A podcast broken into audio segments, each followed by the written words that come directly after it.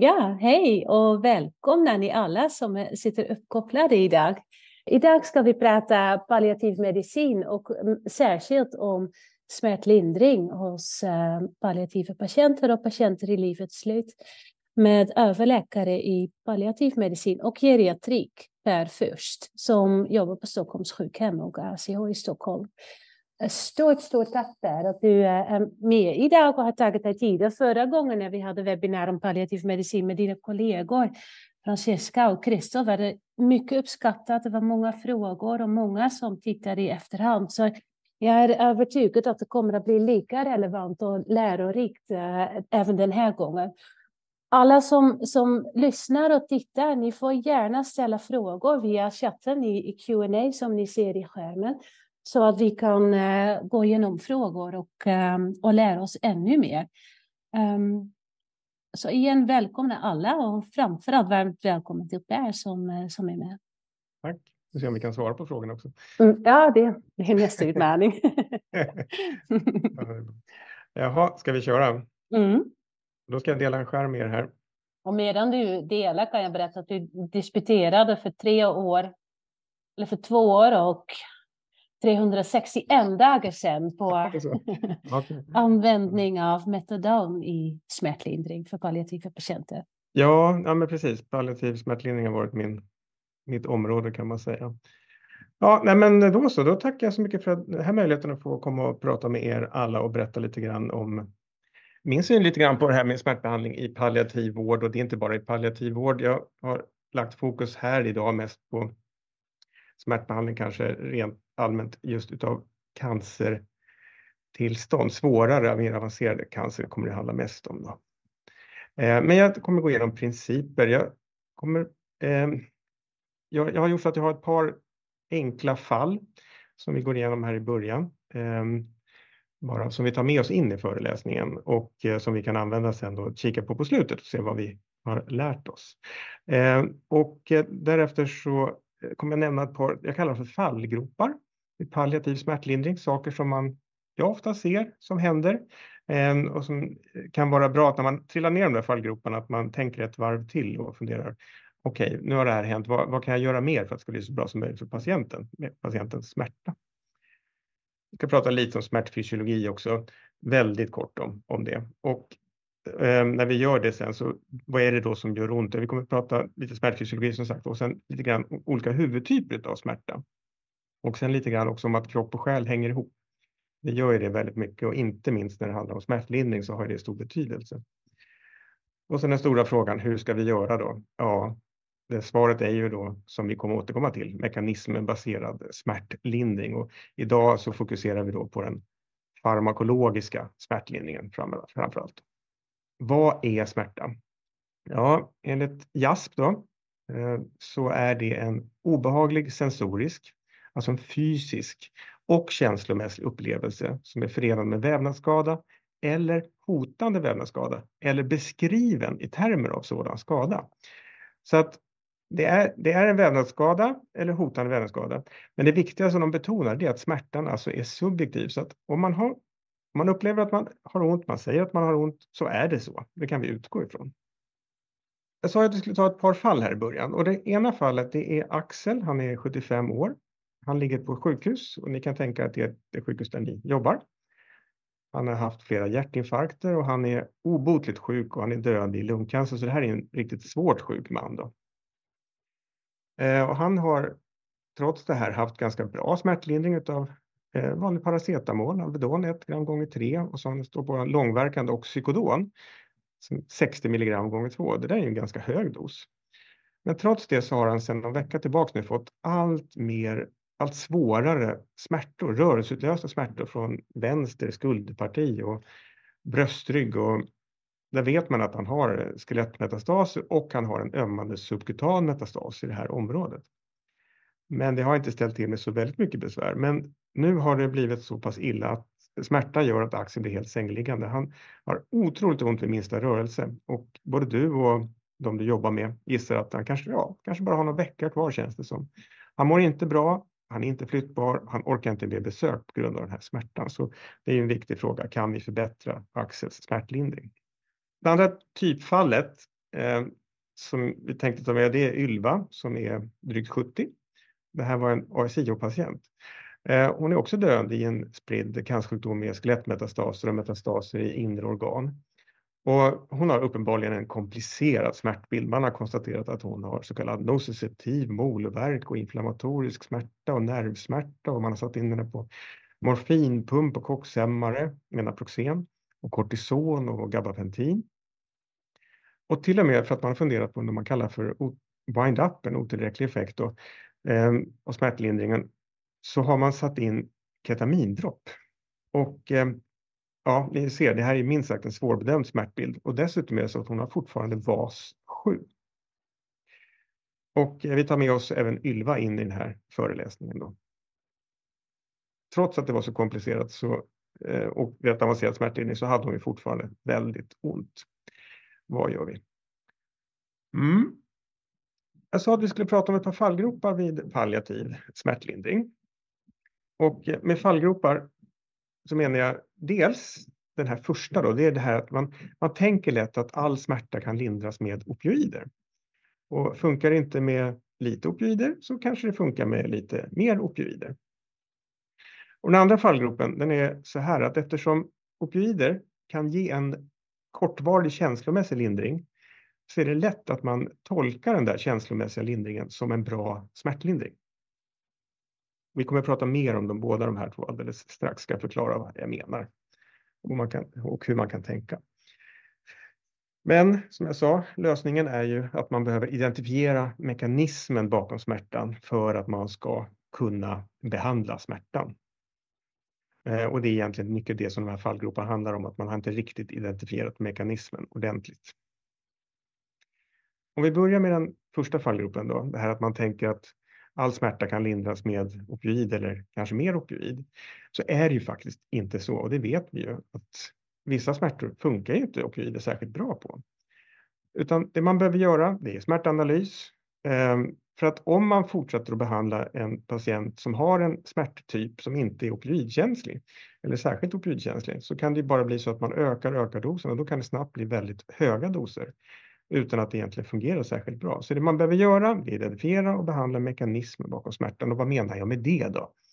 Ja, bara några superenkla exempel på vad jag menar med mekanismer. Det är ett exempel om man har eh, tryck från hjärnmetastaser intrakraniellt så är det ju inte opioider som är den främsta behandlingen utan det är ju kortison som sväller av som minskar trycket. Det är en mekanismbehandlad smärtlind smärtlindringsmetod. Eller om man har en metastasvullen lever där kapseln sväller ut och den är ju smärtkänslig. Då kan man ge eh, avsvällande kortison. Det kommer krävas ganska höga doser under ganska lång tid, alltså ibland en, tre, en, två, tre veckor kanske. Men då kan man få levern ibland att svälla av och smärtan minskar även av den anledningen. Har man skelettmetastaser så gäller det att komma ihåg att opioider är generellt dåliga på det. Oftast behöver man lägga till till exempel koxhämmare eh, och läkemedel mot neuropatisk smärta.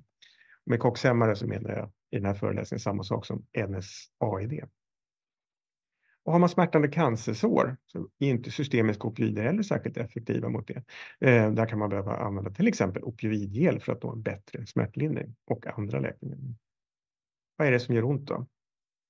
Ja, man kan, man kan säga att om vi tittar på de vanliga smärt, Eh, banorna kan man säga. De vanliga, vår vanliga smärtfortledning kallar vi för nociception.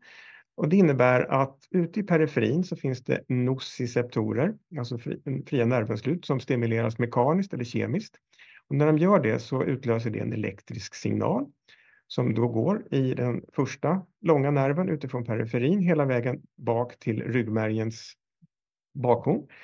Ehm, och där sker det lite omkopplingar via interneuron och sen så går det, upp, går det då via hela nästa långa nerv hela vägen upp till hjärnan och vi blir medvetna om att, den, att vi har eh, ont helt enkelt.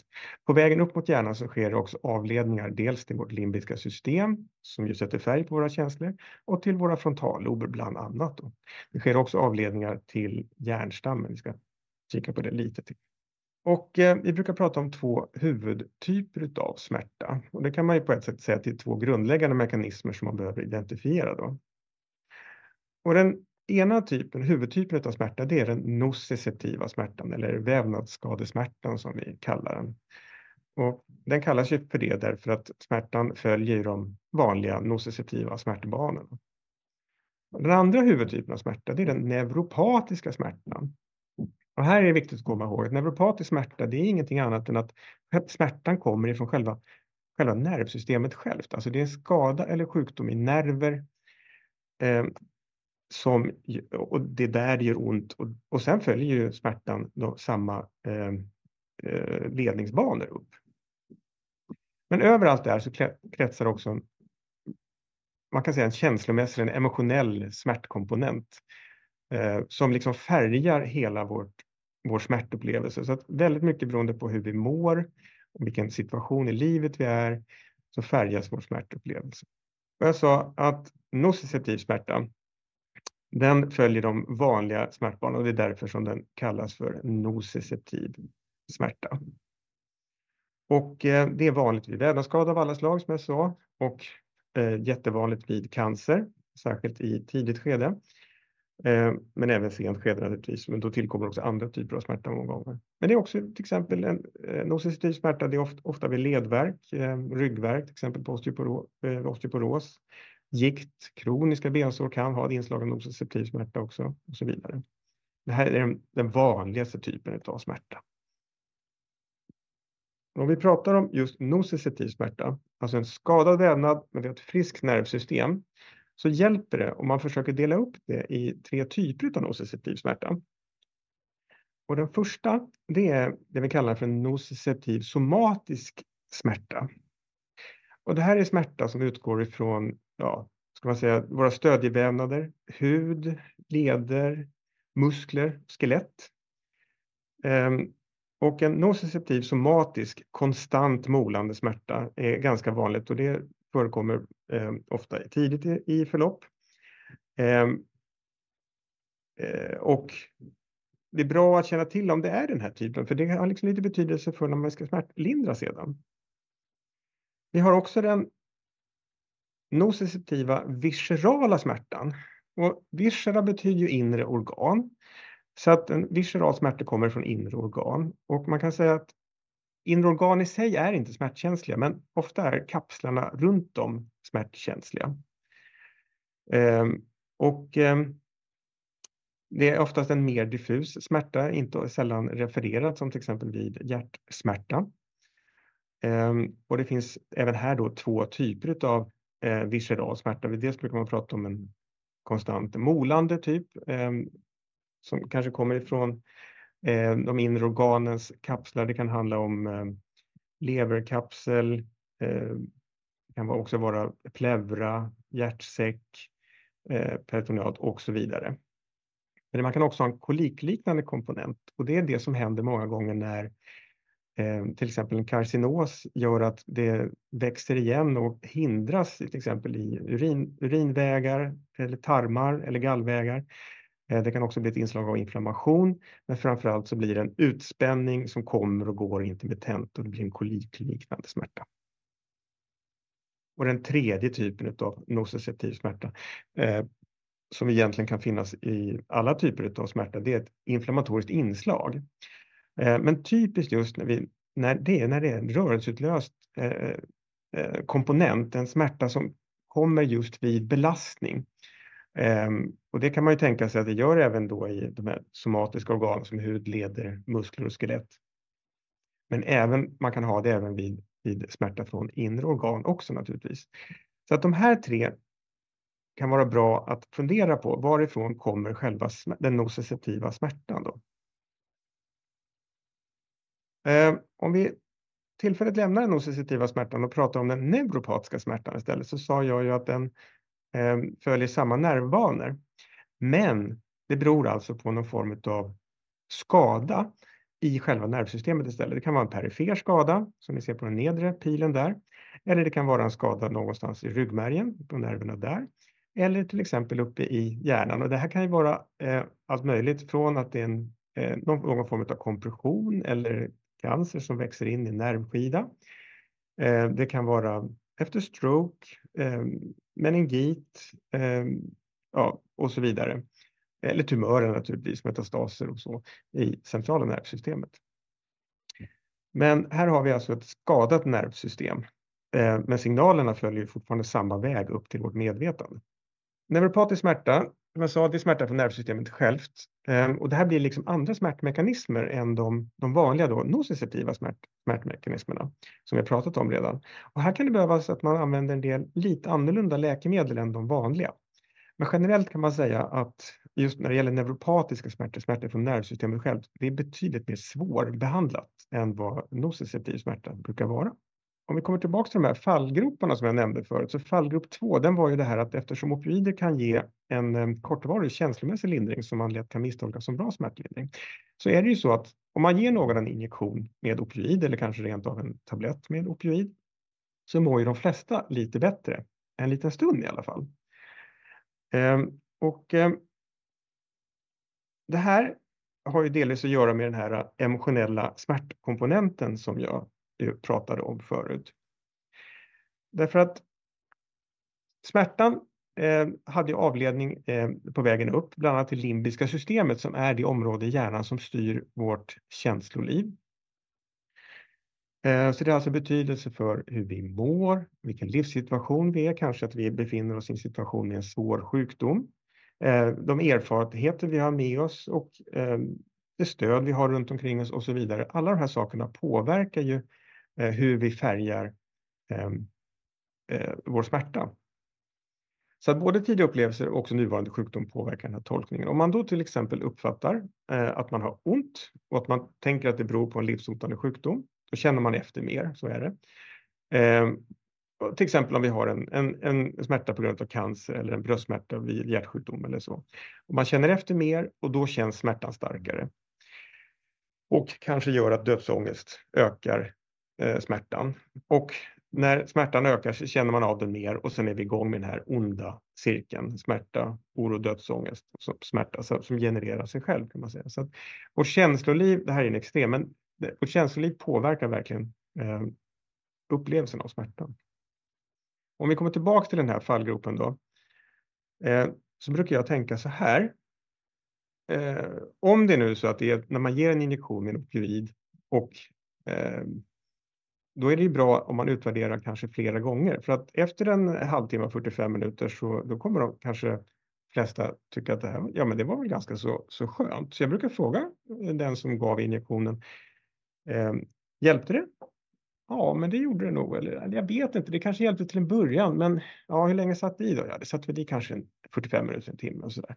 Och då är det väl egentligen så att om man ger en adekvat dos, när man vet att den borde funka, utav en opioid, eh, morfin bör funka 3-4 timmar och Oxynorm borde ju sitta i en 5-6 timmar. Och är det betydligt, betydligt kortare än det, då är det antingen alldeles för låg dos eller så är det sannolikt så att det här inte primärt är en opioidkänslig smärta. Men risken är ju då att man bara ökar och ökar och ökar utan att tänka sig för. Och det, dit, det vill man ju inte hamna i det läget. Utan man får fundera, finns det i själva verket någon annan smärtmekanism? Kan det till exempel vara en existentiell ångest eller en existentiell smärta som man försöker lindra med opioider därför att det helt enkelt är lite skönt och lite avdomnande? Och är det så, då finns det betydligt bättre, lämp bättre behandlingsmetoder mot ångest där jag skulle nog förorda det allra bästa naturligtvis. Det är allting som eh, är i närheten av existentiella samtal fungerar ju som en slags kognitiv terapi eh, och är oerhört effektivt för patienterna. Det, det, är verkligen det som många gånger behövs för ehm, eh, ett bättre mående och därmed kommer också smärtupplevelsen att förändras. Men man ska inte glömma bort att det finns ju också bra läkemedel mot ångest och oro, till exempel bensodiazepiner.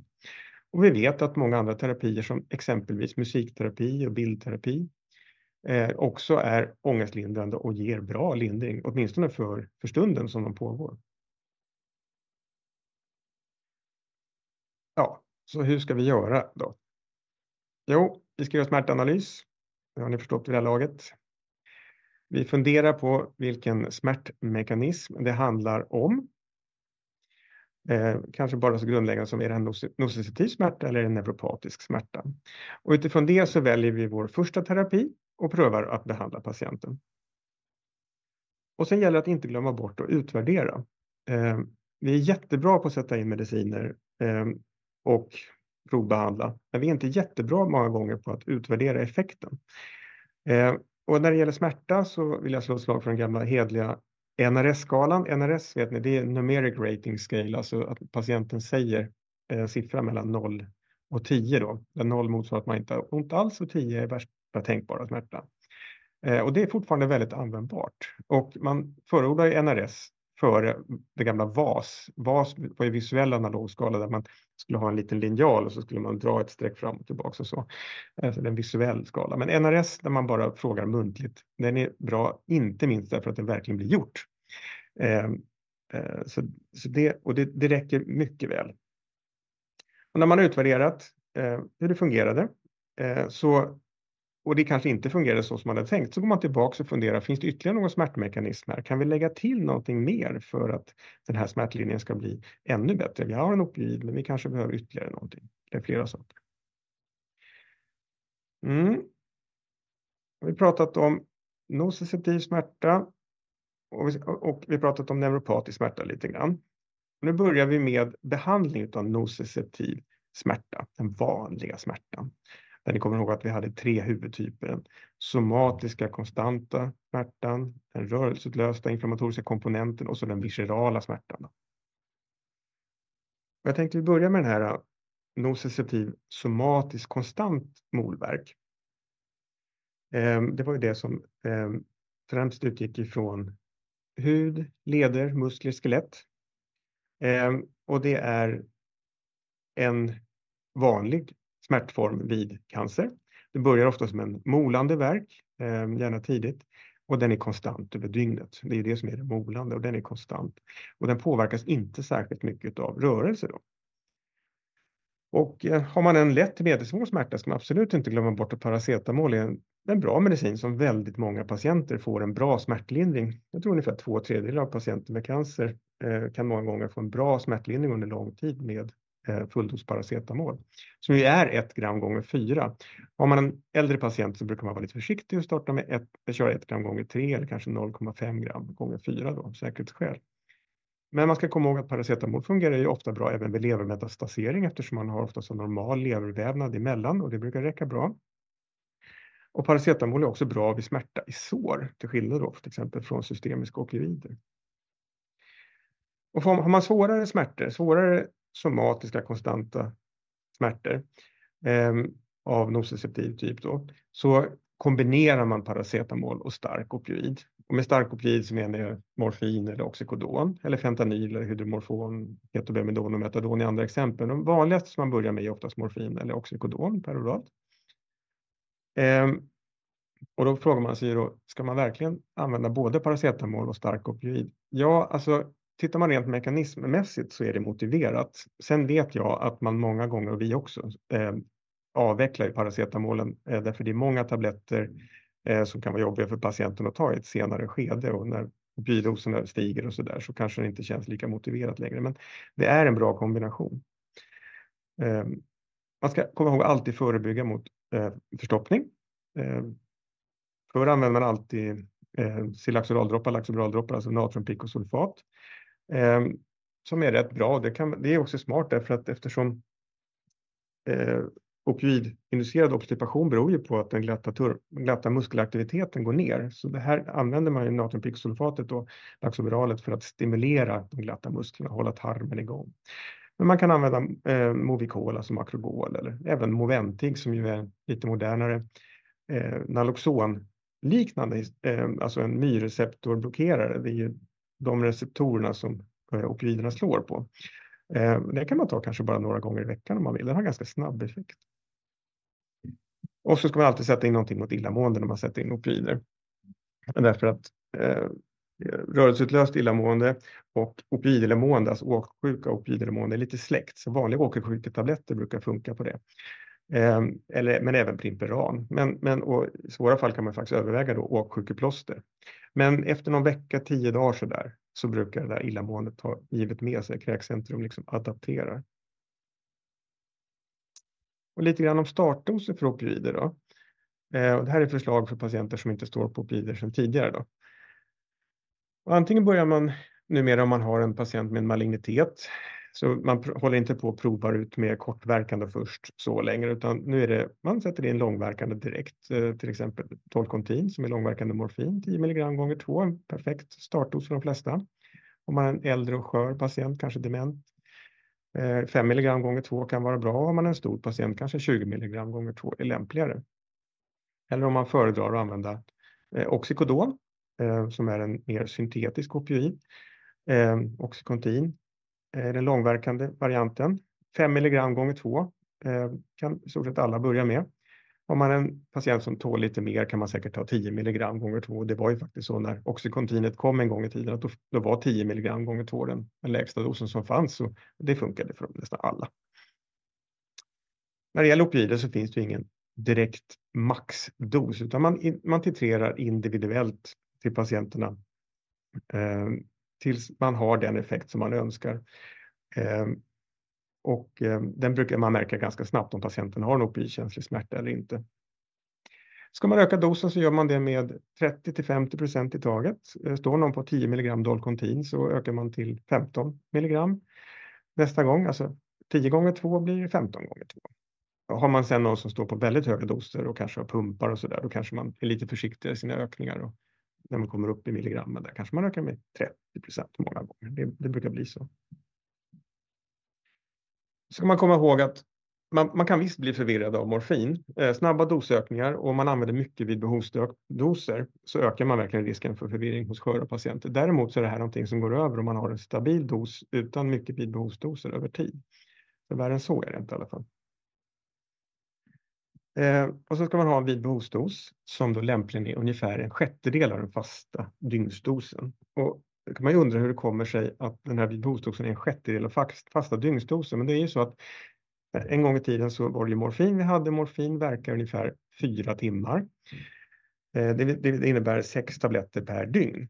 Och då var det lämpligt att ta en av de här tabletterna vid behov, alltså en sjättedel utav dygnsdosen var det som man började och så har man faktiskt kommit på att det, det funkar för de flesta opioider och är ganska lagom. Så en sjättedel av dygnsdosen vid behov. Då.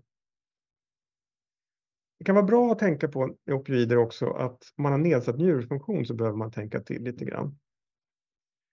Eh, och de opioider som är allra lämpligast just ur ett njurfunktionsperspektiv, eh, det är ju då eh, fentanyl och metadon som inte elimineras via njurarna de här.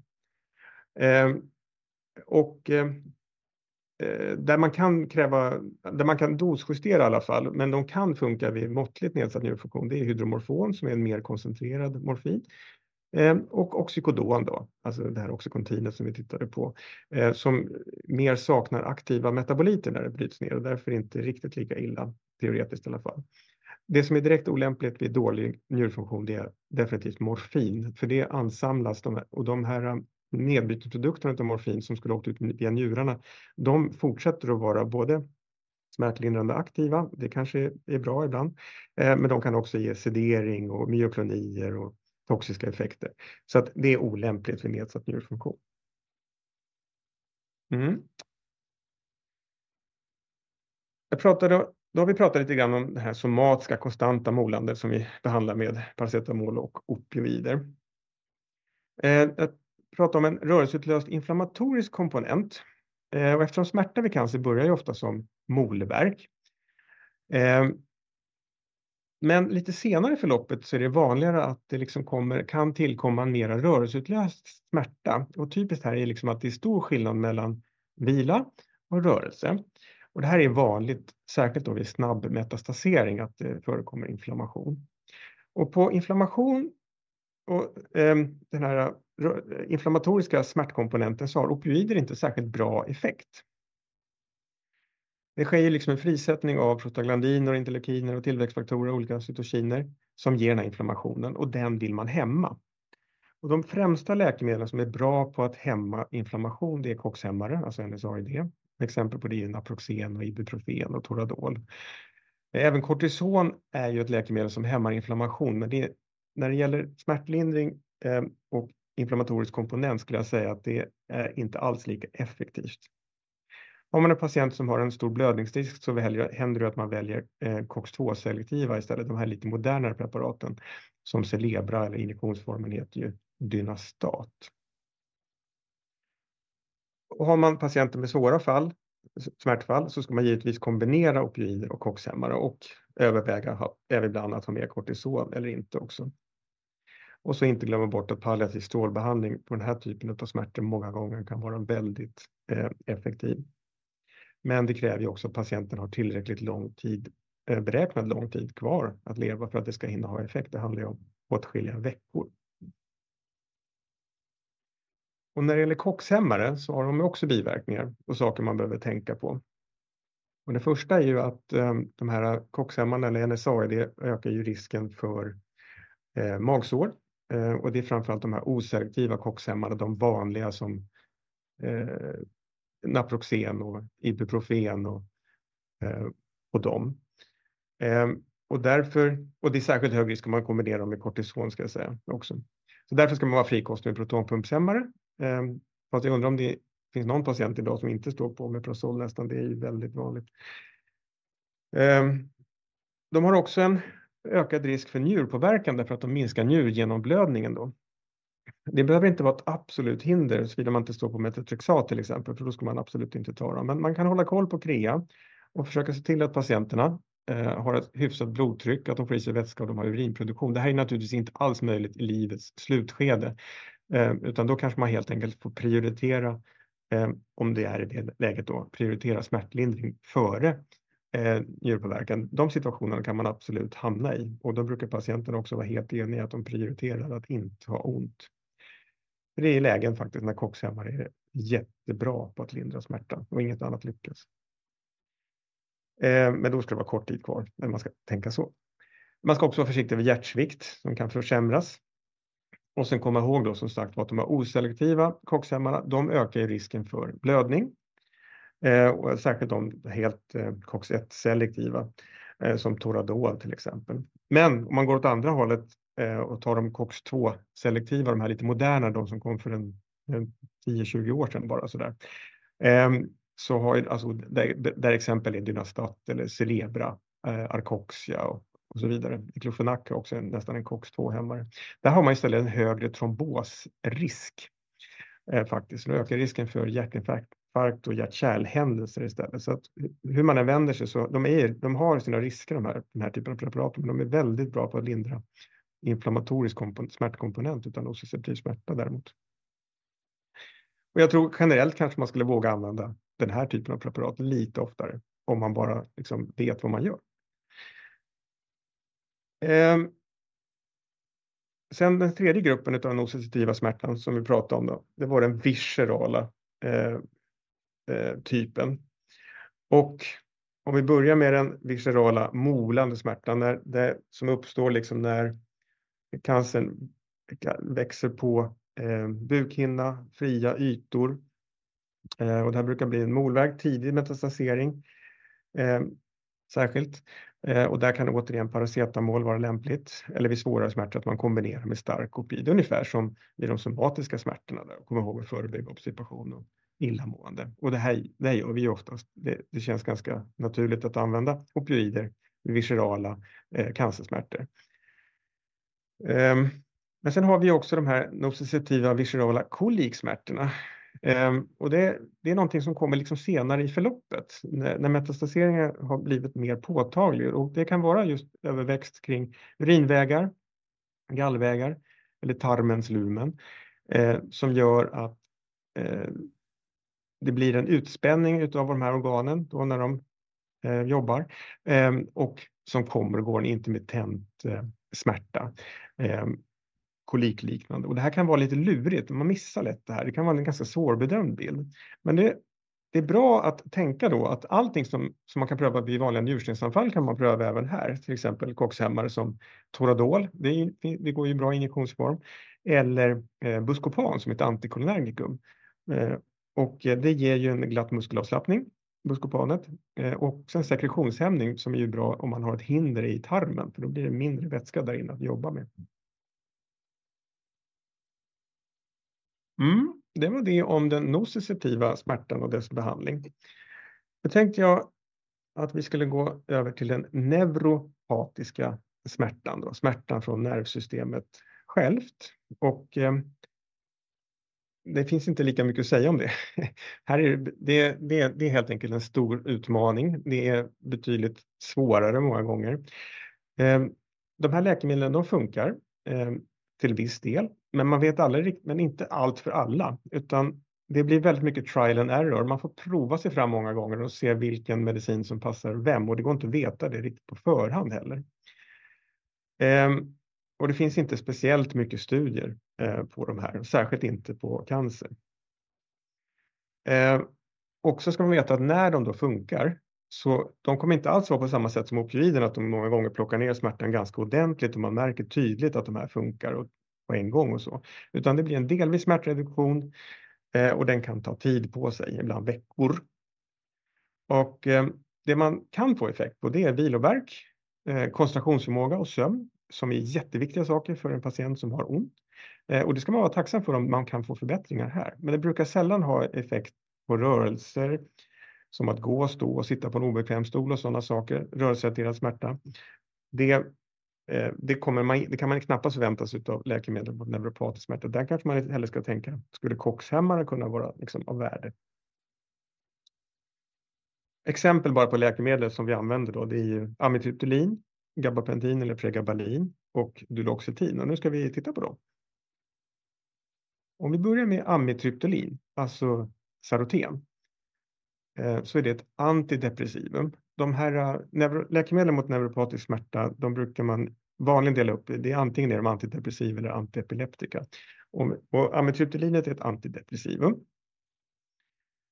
Och eh, de antidepressiva läkemedlen och i viss mån även de Ehm, ehm, ja, framför kan jag säga att de antidepressiva, de, de, deras främsta effekt är att de liksom påverkar, hjärnan har ju inte bara, tar inte bara emot smärtsignaler utan den kan också skicka ner nerver i ryggen eh, ner till de här synapserna där nere i ryggmärgen och påverka så att smärtöverföringen går eh, långsammare och sämre. Eh, så det är ett sätt att liksom påverka då, man kan säga nedåtstigande smärthämmande banor kan vi kalla dem för. Eh, och de kan stabiliseras eh, och funka bättre med hjälp av eh, stöd av antidepressiva. SSRI verkar dock inte ha någon vidare effekt på det här utan det verkar vara andra preparat. Ehm, och amitriptylin är ett av de som funkar bäst ehm, och det beror kanske på att det är en ganska dirty drug som slår på rätt många olika recept receptorer. Då. Ehm, men den har också det lägsta NNT på 2,5-3 ungefär. Tror jag. Och Eftersom det slår på många receptorer får man vara lite försiktig. En lämplig startdos eh, kan vara någonstans mellan 10 och 25 milligram per dygn. Har man en äldre patient skulle jag starta med 10 milligram till natten. Eh, men man bör kanske om man kan komma upp mot en 25-50 milligram per dygn i alla fall. Då, och det här är alltid i kombination med till exempel andra läkemedel nästan. Till exempel opioid. Eh, de, det är de här antikoronerga biverkningarna som är de som begränsar eh, hur det funkar. Därför att eh, en del patienter reagerar ju, eh, om de är känsliga med förvirring. Eh, så därför kan det vara klokt att börja med en låg dos till natten om man har äldre och sköra patienter. Trötthet är också en biverkan. Också muntorrhet och sen vid högre doser finns det hjärtbiverkningar och sånt. Men det brukar inte vara så vanligt för de här lite lägre doserna och kanske inget man behöver ta hänsyn till så mycket när man prioriterar smärtlindring i livets slutskede. Um, Nästa läkemedel är gabapentin, eller Neurontin. Och det är ett antiepileptikum. Ehm, och det här har en relativt snabb effekt. Bara inom en till två veckor kan man eh, förvänta sig effekt. Jag tycker kanske att jag ibland kan se effekt snabbare än så, bara inom dagar ibland när jag sätter in det och det är en bra, bra känslig neuropatisk smärta patienten har. Den vanliga startdosen är 100 milligram gånger 3. Har man en jätteskör patient kanske man bara börjar med 100 milligram till natten. Det, sen ökar man med ungefär 300 milligram var tredje, fjärde eller mer dag. Ehm, så har man 100 milligram gånger 3 så efter 3, 4, 5, 6, 7 dagar så ökar man till kanske 200 gånger 3 och sen efter ytterligare några dagar så ökar man till 300 gånger 3. Och när man är uppe i 900 milligram vid cancersmärta då kan man börja utvärdera. Effektiva dosen brukar ligga någonstans mellan 9 och 1800 milligram och är det Eh, just vid cancer. Vid andra icke-maligna eh, smärttillstånd kan man ibland gå upp ännu högre, kanske på 2400. Och så. Om, de inte, om det här inte är effektivt och man vill eh, trappa ner gabapentinet igen, ska man göra det under en till två veckor, ungefär lika långsamt som man trappar upp. Man ska dosreducera vid nedsatt njurfunktion. Och de vanliga biverkningarna som man är lite orolig för, det är ju yrsel och somnolens och konfusion och illamående och diarré som exempel. Och eh, det kan vara svårt att sluta med gabapentin. Det är ytterligare en anledning till att trappa ner det. Ehm, det är numera eh, narkotikaklassat faktiskt i Storbritannien. Och ehm, förut har man pratat om att det är lyrika som är svårt att sluta med, men även gabapentin verkar faktiskt vara ett preparat som man kan tänka på att det kan vara svårt att sluta med. Det är ju absolut ingenting som är relevant i livets slutskede, men ehm, i andra situationer kan det vara bra att veta. Just pregabalin då, eller lyrika, som är släktingen, i stort sett eh, samma molekyl som gabapentin, de är väldigt lika. Eh, men den verkar dessutom ha en lite ångestlösande effekt hos patienter med ångestsyndrom. Och eh, vanlig startdos är 25 milligram gånger 2 och sen ökar man då med, på samma sätt med 25 milligram var tredje till sjunde dag. En effektiv dos brukar ligga någonstans på eh, ja, 50 milligram per dygn kanske. Det, kan, det är många gånger, alltså det, kan, det är inte alltid man behöver öka 50-75 milligram per dygn. Ehm, och även hos äldre, även med demens, så finns det studier som visar att man kan klara sig på 25, 50, 75 mg per dygn utan ökad risk för konfusion. Och Pregabalin är också ett sådant preparat som kan vara eh, svårt att sluta med. Eh, och det kanske kan, man kanske kan förstå det när man vet att, att eh, både överdoser av pregabalin och gabapentin har man framgångsrikt lyckats behandla med injektioner av Lanexat, ju som normalt sett behandlar bensodiazepinöverdoser. Så det kanske finns någon sådan liknande effekt också. Då. Och så det tredje preparatet jag tänkte nämna, eller fjärde blir det ju, ehm, är ju Cymbalta, alltså Duloxetin, som återigen är ett antidepressivum, lite modernare. Ehm, antidepressiva kan ju vara intressanta också därför att om man har eh, nedstämdhet så, så, eh, så påverkar det också, som vi sa, eh, upplevelsen av fysiska symptom. Kan man förbättra nedstämdhet kanske man kan också smärtlindra indirekt. En vanlig startdos är 30 mg och den effektiva dosen är ofta 60 mg. så det här är ganska lätt att dosera. Och man, eh, det, här är något, det tolereras ofta relativt bra även av äldre patienter. Det har biverkningar, men det är lite mindre sederande än, än övriga antidepressiva. Men det har biverkningar som illamående, GI-besvär, och trötthet och yrsel. Och eh, även hjärtklappning. Men det här brukar klinga av efter ett tag och man brukar heller inte behöva ta hänsyn till njurfunktion. Så att det här kan vara ett attraktivt alternativ. Det har inte alls lika bra NNT som amitriptylin dock. Det här ligger någonstans runt 4-5 ungefär. Så vad ska man välja då utav de här? Ja, har man en ren neuropatisk smärta, smärtkomponent kanske vi säga, så väljer man någon av amitriptylin, gabapentin eller duloxetin att börja med. Och amitriptylin och gabapentin det är ju ett antidepressiv och ett, och ett antiepileptikum och de där två kan man gärna kombinera. Då kanske man inte behöver gå upp lika högt i dos och då slipper man kanske en del biverkningar också. Och det finns det en del som talar för att den där kombinationen är lite extra bra och verksam. Jag använder den ofta. Har man en samtidig depression så väljer man ett antidepressivum förstås, kanske Duloxetin eller amitriptylin. Och har man samtidig ångest så kanske man väljer pregabalin i första hand. Och sen ska man inte glömma bort att om man har eh, alltså, eh, lokala, alltså fokala neuropatiska smärtor, till exempel klassiskt exempel är ju då eh, att man har någon form av cancerväxt i bröstkorgsväggen. Eh, och det finns metastaser eh, i thorax. Då kan man ju använda versatisplåster, alltså lidokainplåster som man sätter liksom proximalt på nerven om eh, om skadan eh, som helt enkelt insönder. Det är bedövningsmedel som då blockerar nerven, nervsignalerna bak till ryggmärgen. Eh, och de där sitter på 12 timmar och sen är borta 12 timmar och så växlar man så där. Eh, ganska, väldigt biverkningsfri och effektivt när det funkar. Ja, nu har vi ju kommit en bra bit redan här. Det går undan.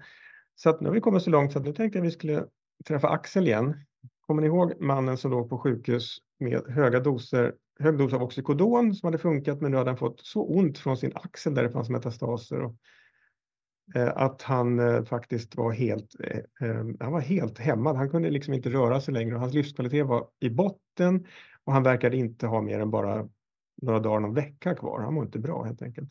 Han kunde inte ha något besök. Så att frågan är ju, vad kan vi göra för att förbättra axelsmärtlindring?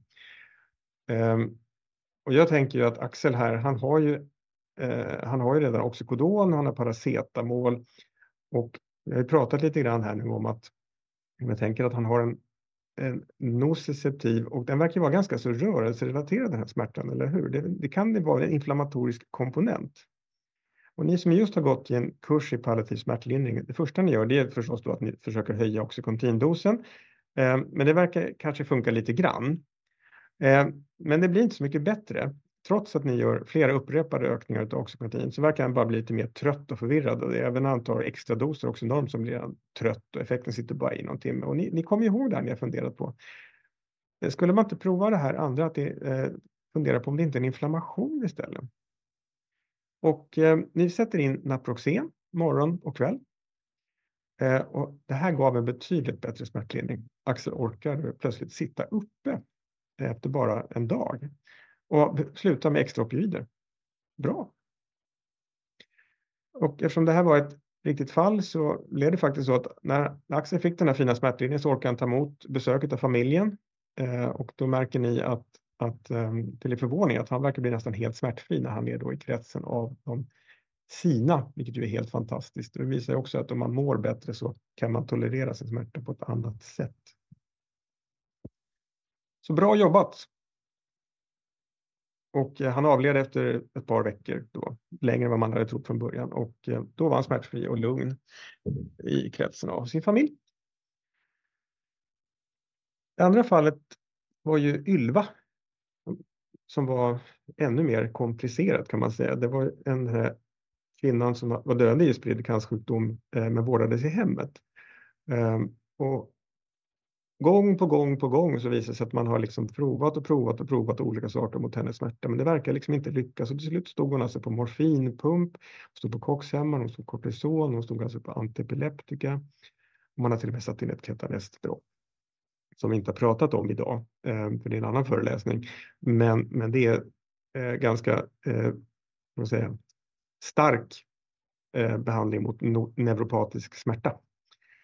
Ehm, men det är ändå en svårbedömd smärtbild. Hon ringde där den fredag eftermiddag och då hade hon fortfarande VAS 7. Den doktorn som jobbade då gjorde ett hembesök och satt med patienten hemma och Ja, på något sätt så insåg doktorn där att det här är en uppenbarligen en existentiell ångest. Hon lider av stor ensamhet. Och förslaget blev att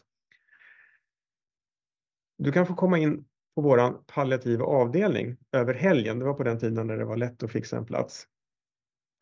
Eh, och vet ni, redan på lördagen så hade hon mindre ont bara av att komma in, trots att allting annat var oändrat. Och sen kunde man minska smärtlindringen. Man kunde ta bort ketamindroppet, man kunde ta bort morfinpumpen. Och hon gick åter hem på måndagen och då hade hon bara perorala opioider kvar. Eh, och lite annat kanske. Men, men det var liksom en drastisk skillnad. Bara att hon, hon kom in bland människor och hon såg att det fungerade och att hon kunde få trygghet.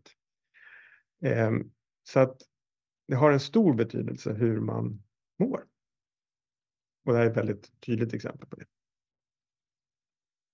Så att om vi sammanfattar, kika på klockan lite grann.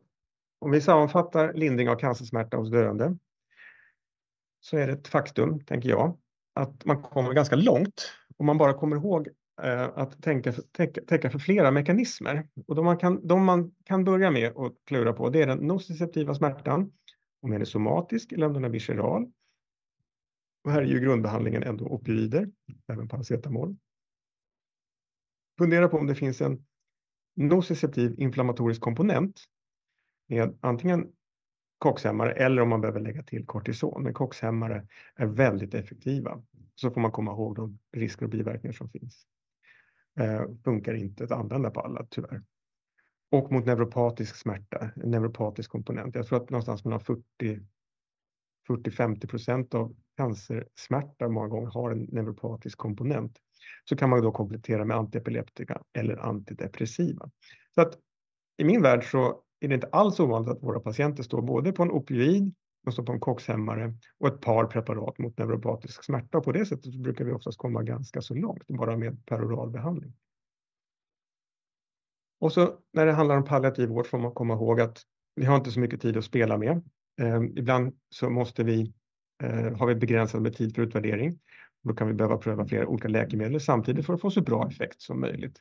Det vi också gör många gånger, det är att vi ehm, bara faktiskt för att få bättre effekt. Vi ger många av våra läkemedel med pumpar ehm, för att vara säkra tillgången till dem. Det brukar oftast bli väldigt effektivt när man inte måste gå via tarmen och så. Men man kan säga att de här grundprinciperna vi har pratat om nu, de är precis samma oavsett liksom, administrationsform. Och det var det som jag hade att berätta om eh, smärtlindring ur mitt perspektiv oh. som palliativmedicinare. Ja, ett oerhört stort tack eh, Per för en mycket värdefull och lärorik föreläsning. Um, det kommer fråga i chatten, det kommer säkert fler, men den här frågan är, många palliativa cancerpatienter har ju redan en förhöjd trombosrisk. Hur ska man då tänka kring användning av COX-2-hämmare? Mm. Ja, det finns inget klart och tydligt svar på det. Eh, jag skulle säga att det jag, brukar, jag brukar helt enkelt vara väldigt, väldigt ärlig och förklara att det är precis så det är. Eh, därför att, Eh, och, och, och, och, prata med patienten om det. Det finns, det, eh, och förvåna, alltså pratar vi nu patienten nära livets slutskede så är det, är det i slutändan så att väldigt många prioriterar eh, god smärtlindring före riskerna för biverkningar, alltså till exempel blödning eller, eller propp. Men den där balansen har vi hela tiden. Eh. Mm. Mm. Men jag brukar vara väldigt öppen och förklara det för de som är mottagliga för det naturligtvis. Ja. ja. Um, en annan fråga som jag funderade på, när eller är det relevant att rotera opioider, att byta till en annan sort av opioider mm. när man inte riktigt kommer långt med, med nuvarande smärtregim? Ja, absolut. Och hur? Ja, men opioidrotation är ju det är ett begrepp eh, och jag skulle nog säga att det var nog större förr eh, att man gjorde det. Eh, jag tror att det, det, det lite modernare är nog snarare att vi provar att lägga till fler andra, och för jag tänker på fler mekanismer helt enkelt. Eh, men det främsta skälet till att rotera opioid, byta, det har nog oftast varit inte för att få bättre effekt utan för att undvika vissa biverkningar och det var jag lite grann inne på där. Eh, att, att det skiljer sig lite särskilt vid nedsatt njurfunktion. Så det är nog den vanligaste orsaken till opioidrotation egentligen. De, annars är de relativt lika i sin effekt. Vi har ju till exempel metadonet som skiljer ut sig. Det kan vara ett sånt där go-to-preparat i vissa situationer därför att det har eh, lite annan profil och det har lite, det, tar på lite andra receptorer och så där och kan ja, till exempel ha en viss neuropatisk smärtlindrande effekt, roman och så. Men annars så är det eh, eh, in, ja, nog biverkningar som styr opioidrotation i första hand. Mm. Mm. Och eh, hur brukar du hantera patienter som får mycket um, effekter av opioider på, på kognitionen och hur klara och medvetna de är? För det är ett problem som vi ofta stöter på hos patienter när de ska börja med opioider och det är ju längre från livets slut. Ja. Hur, hur, brukar du förklara, förklara och agera? Ja, för det första så brukar undvika den där ryggmärgsreflexen som man kan ha ibland när man säger nej, nej, nej, det är inte, det är inte medicinerna, utan för det är ju oftast med, alltså det, man ska vara medveten om att opioider ja. ger förvirring och det här handlar ju särskilt då, alltså det ger inte det till yngre och starkare individer, utan det är ju en skörare hjärna som kanske redan har lite minnesproblem eh, och som, där man dessutom då kanske dehydrerad, man kanske har smärtor, man har en svår sjukdom, många sjukdomar, ja, något kognitivt och så vidare. De är extra känsliga. Och jag brukar helt enkelt också, jag brukar vara ärlig där också och säga att ja, det här, alltså nu när vi trappar in där så kommer du att känna av det eller din mamma kommer, det kommer märkas. Ehm, och särskilt om vi behöver ta många extra doser och så där. Men när vi hittar rätt dos så kommer det att lugna ner sig, för det gör det. Jag brukar dra ett exempel. Jag hade en patient alltså när det gäller opioider och ehm, eh, reaktionsförmåga och, och, och, och, kognitiv förmåga så hade jag en patient som hade pankreascancer vill jag minnas att det var, eh, vilket ju var lite märkligt, men han var också taxichaufför och hade, men det där var, eh, det var ett litet långsamt, eh, det kanske inte var pankreascancer jag tänker efter, för det var nog lite, han hade någon annan, men han stod i alla fall på Oxycontin eh, i ganska så rejäl dos. Eh, och eh, han ville få köra taxi igen och jag var väldigt tveksam naturligtvis eh, av många olika skäl. Men han ville så gärna få, få, få det utrett. Så att jag skickade honom till trafikmedicin. Eh, och de gjorde alla tester. Och ur deras perspektiv, rent medicinskt, reaktionstider och liksom kognitiv förmåga och allting. Ingenting. Han kunde få köra taxi. Sen gjorde han aldrig det av andra skäl. Men det var ganska intressant att se att när man kan hålla dosen stabil utan extra doser så försvinner den där påverkan ett tag. Det, kan liksom, det brukar jag säga, att ja. om vi kan hålla det här liksom lugnt ett tag, då brukar det gå över. För det ja. gör det. Ja. Ja, det är väldigt relevant att förklara för patienter. Um, men annan fråga, hur ser du på metadon som symptomlindring i palliativ smärtlindring? Metadon? Mm. Eh, för det första skulle jag säga att det är, det är så speciellt preparat så där behöver man ha stor erfarenhet om man ska ge sig på att använda det. Helt enkelt. Eh, men bara som kuriosa kan jag säga att det finns ju två metoder. Antingen så byter man över till, man tar bort alla opioider och så sätter man in metadon istället. Och det kluriga där brukar vara att då brukar man oftast hitta en viss dos och sen kan patienten stå kvar på den vecka efter vecka efter vecka. De, det, det, är det som är lite intressant med metadon. Eh, att då brukar man sällan behöva öka dosen så mycket mer efter det, utan då hittar man en lämplig dos. Och det skiljer sig ju kan man säga från de andra opioiderna där toleransutvecklingen ju brukar göra att man behöver öka successivt ibland. Eh, och det som vi har liksom forskat kring här då lite grann, det är ju att man istället för att göra det där lite krångliga bytet helt och hållet så kan, har vi provat att man lägger till en pyttedos av metadon bara för att få en eh, försöka då teoretiskt utnyttja de här goda effekterna av metadonet, den goda smärtlindrande effekten och den här toleranshämmande effekten kan man säga då i vissa fall när man har ett, ett nervsystem som har gått i spinn. Eh, och, och, då har vi också sett eh, patienter där det verkar ha en god effekt faktiskt. Men, men som sagt, ska man använda metadon ska man göra det tillsammans med någon som har gjort det förut därför att eh, det har en otroligt lång halveringstid. Och särskilt hos de som inte använt det förut. Eh, vilket kan göra att det kan ta en vecka eller ännu mer ibland eh, innan de riskerar att få en överdos om, om, om det plötsligt börjar verka, verka bra också. Ja. Så det krävs erfarenhet för att ja, hantera? Ja, går du på en annan hög opioid först och så får du ett nytt preparat som plötsligt verkar ja. bra. Det gäller för allt det jag pratat om idag egentligen. Sätter man då in någonting som plötsligt börjar verka bra och då står du kvar på den höga opioiddosen, då kan det vara bra att behöva dra ner den så att man inte blir överdoserad. Ja. ja snabb, ett snabbt svar på sista frågan då, för då är det snart klockan 13. Om en patient inte kan ta perorala mediciner, står på gabapentin och har behov av neuropatisk smärtlindring, mm. är det metadon som gäller då eller annat förslag? Det skulle jag säga faktiskt att det är det som vi använder. Mm. Ja, i erfarna händer. Ja. Och det ja. har vi jättestor erfarenhet av. Så att, men, men som sagt, och det, annars är det svårt. Mm. Ja. Stort, stort tack till dig Per för att du tog dig tiden och eh, höll i en väldigt lärorik föreläsning. Tack för alla ni som var uppkopplade och lyssnade och tittade och jag hoppas att ni också tipsar era kollegor, för jag tror att det här är väldigt lärorikt för nästan alla som har med människor eh, med smärtor att göra. Ehm, så jag rekommenderar varmt att dela med andra. Eh, och ni kommer att kunna titta på det här webbinariet i efterhand också. Vad vill du säga Per? Jo, jag vill också bara säga att den här föreläsningen kommer också att finnas via RCC. En, ja. en variant på den här föreläsningen som man kommer kunna titta på i kortare filmer om 10-15 minuter styck. Så, i Utmärkt. Viktigt och relevant. Mm. Stort tack till alla. Tack till Mediahuset och um, vi ses nästa gång. Hej!